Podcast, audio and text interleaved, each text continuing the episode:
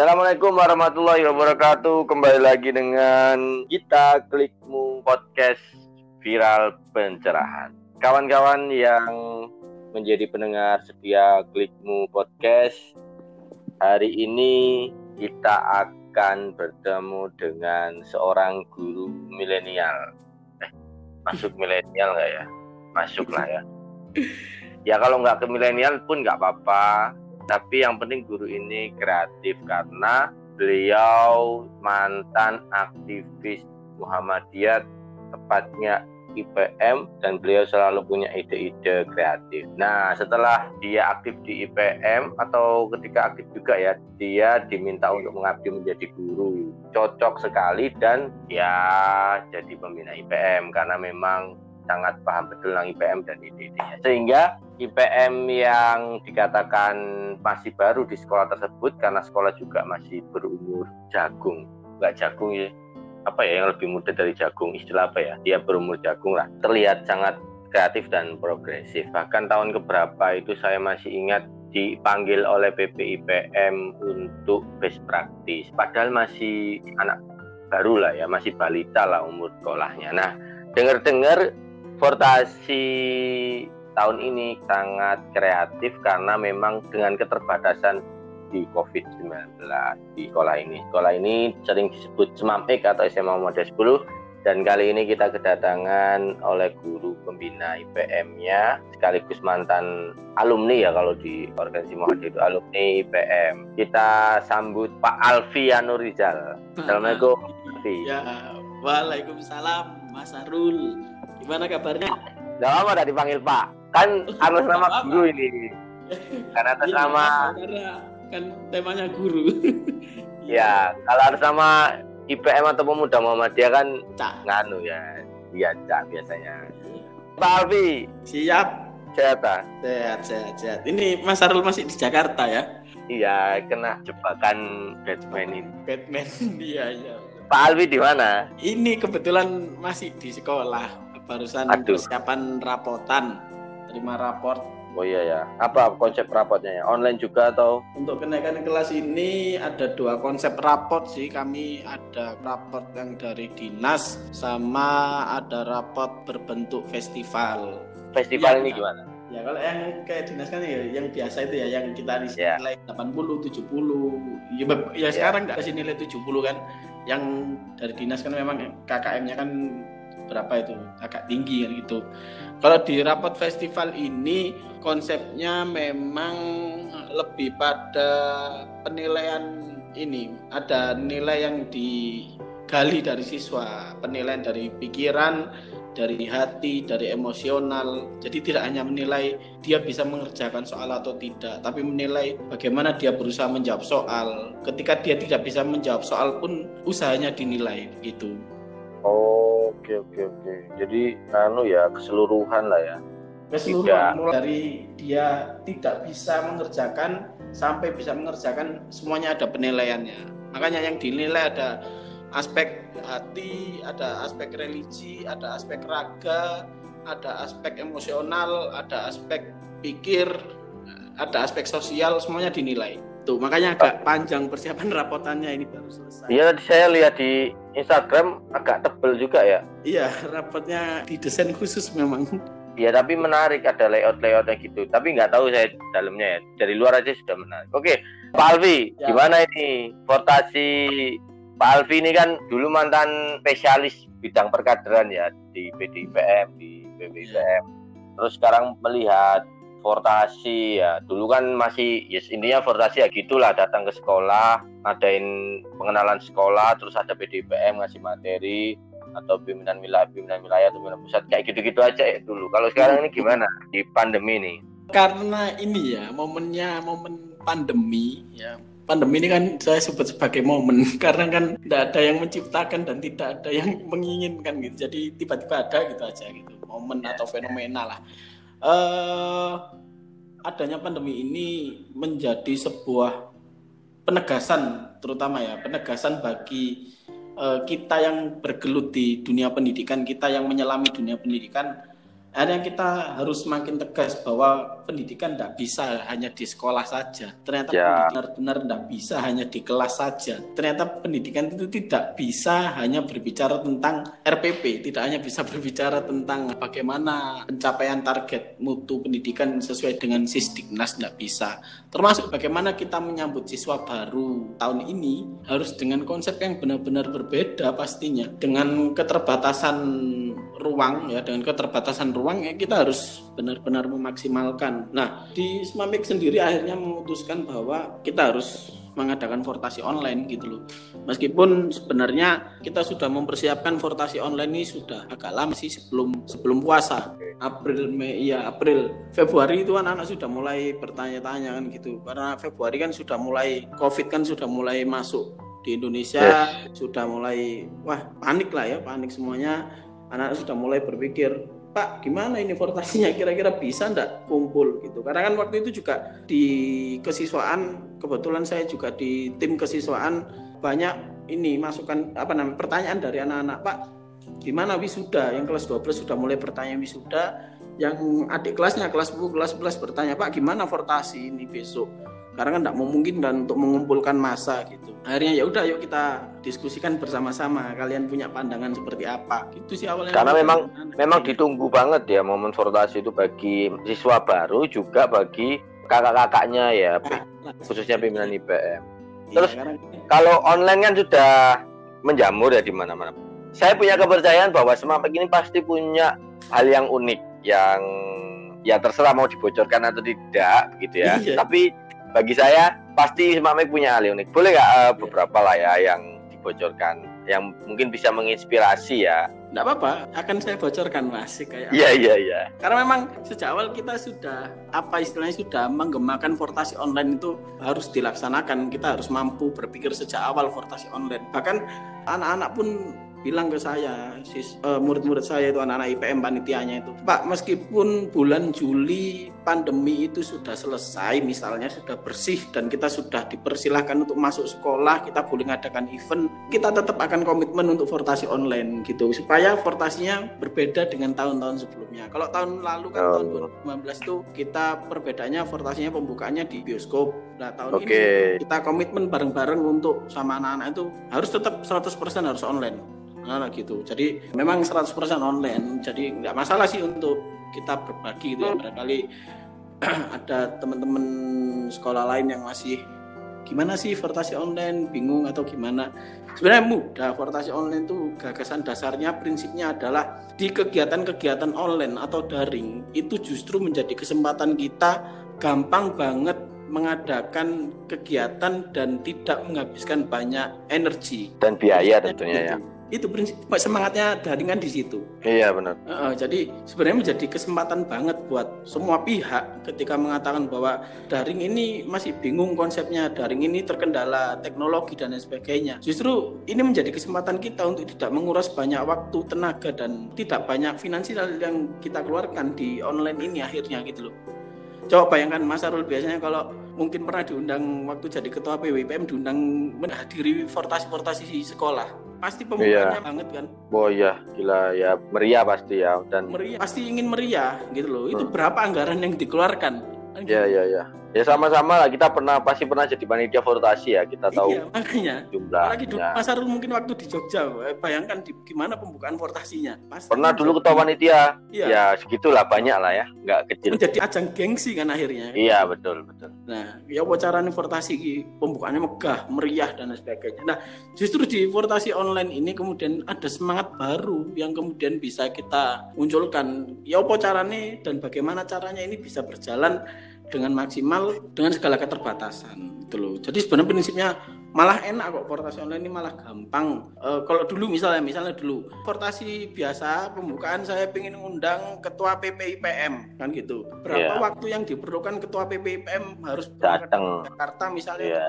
ke Surabaya. Habis biaya berapa dan lain sebagainya. Belum tentu waktunya cocok, belum tentu waktunya luang kan gitu karena membutuhkan waktu berhari-hari harus berangkat naik pesawat meskipun harus menginap dan sebagainya. Tapi hari ini mungkin ketua PPIPM bisa menyambut beberapa sekolah dalam satu hari kan gitu Iya benar benar. karena dilakukan secara daring gitu. Nah, Yeah. apa yang kemudian menjadi unik di Smam X di pembukaan besok kita coba portasinya kita buka melalui beberapa aplikasi ya kayak Zoom, Google Meet, YouTube, Instagram. Jadi semuanya ada, semuanya bisa diakses. Tuh, pasti sekolah yang Ya. lain juga saya yakin Sama lah ya. ke situ gitu lah. Iya, iya. Cuman di pembukaan besok kita masih ini berusaha untuk mengundang mengundang influencer, menghadirkan influencer gitu. Oke. Karena kami berpikir bahwa pasti bisa dong mengundang influencer gitu kan, menghadirkan influencer mau hanya online kok gitu kan. Iya, iya, iya. Tuh. Dan itu emang kerjaannya influencer ya? Pekerjaan influencer kan online gitu loh.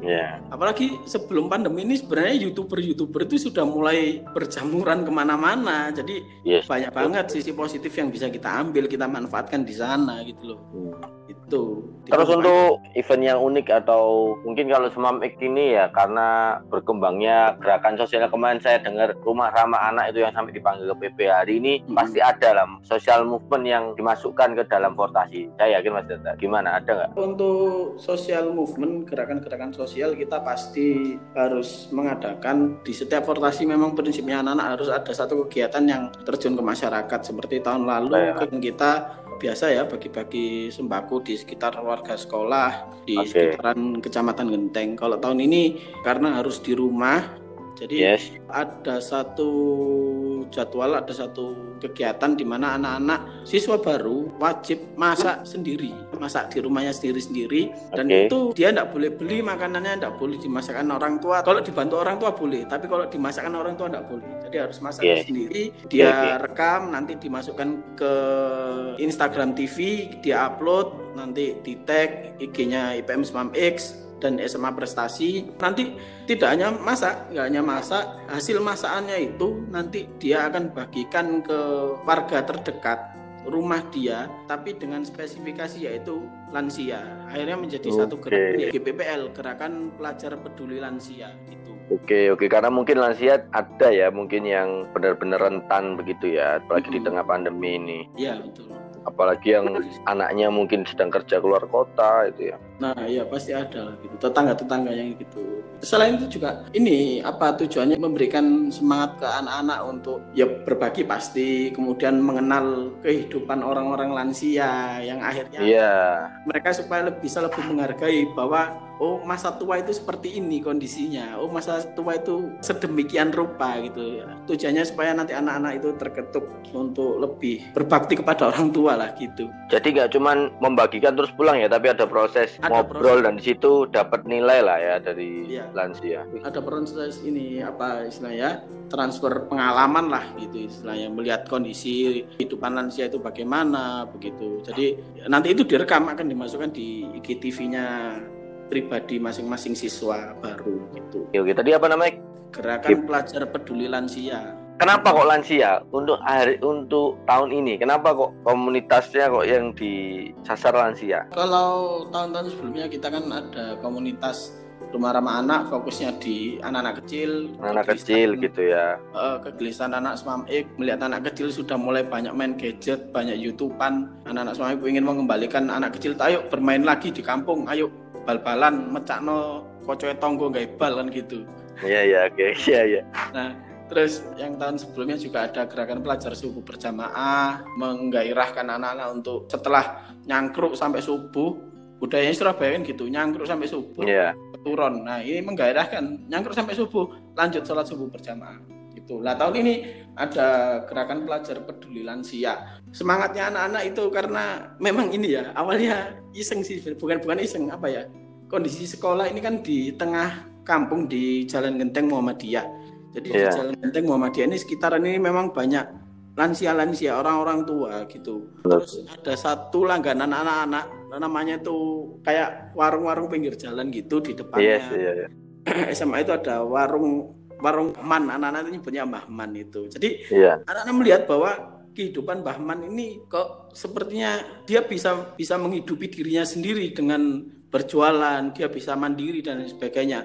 Dari sana akhirnya anak-anak penasaran, kenapa Mbak Man bisa setegar itu menjalani hidupnya sampai apa namanya bersemangat berjualan sendiri dan sebagainya gitu. Anak-anak ingin mengambil sisi lain dari kehidupan lansia begitu, ingin tahu. Itu sih semangatnya anak-anak. Karena anak-anak sekarang kan ya itu ada orang apa sedikit gitu kan, opo wong iki sok ini, kenapa orang ini? Ya, ya kepo gitu kan anak sekarang. Sebenarnya generasi sekarang lebih filosofis ya daripada zaman lebih dulu. filosofis, semua semua. Iya, meskipun modelnya kepo ya kalau dianggap iya. zaman sekarang. Iya, akhirnya kan sebenarnya kan diplesetkan menjadi kepo, kepo itu seolah-olah jelek, menjadi toxic iya. seolah-olah jelek. Padahal ada sisi lain yang bisa kita arahkan kan gitu. Saya menarik ini ya dengan hmm. konsentrasi hari ini dari Semapik yang ke lansia, apa namanya komunitas yang disasar adalah lansia ke depannya nih kan saya tahu gerakan-gerakan sosial Cimamik itu selalu sustainable ya berkelanjutan lah maksudnya tidak tidak suka membuat event satu hari selesai bubar yeah. gitu ya megah nah ke depannya rencananya pasca fortasi ini berlanjut nggak gerakan sosial di kalangan lansia ini bagi anak-anak Cimamik atau sudah ada ya. rencana atau bagaimana itu sudah menjadi keputusan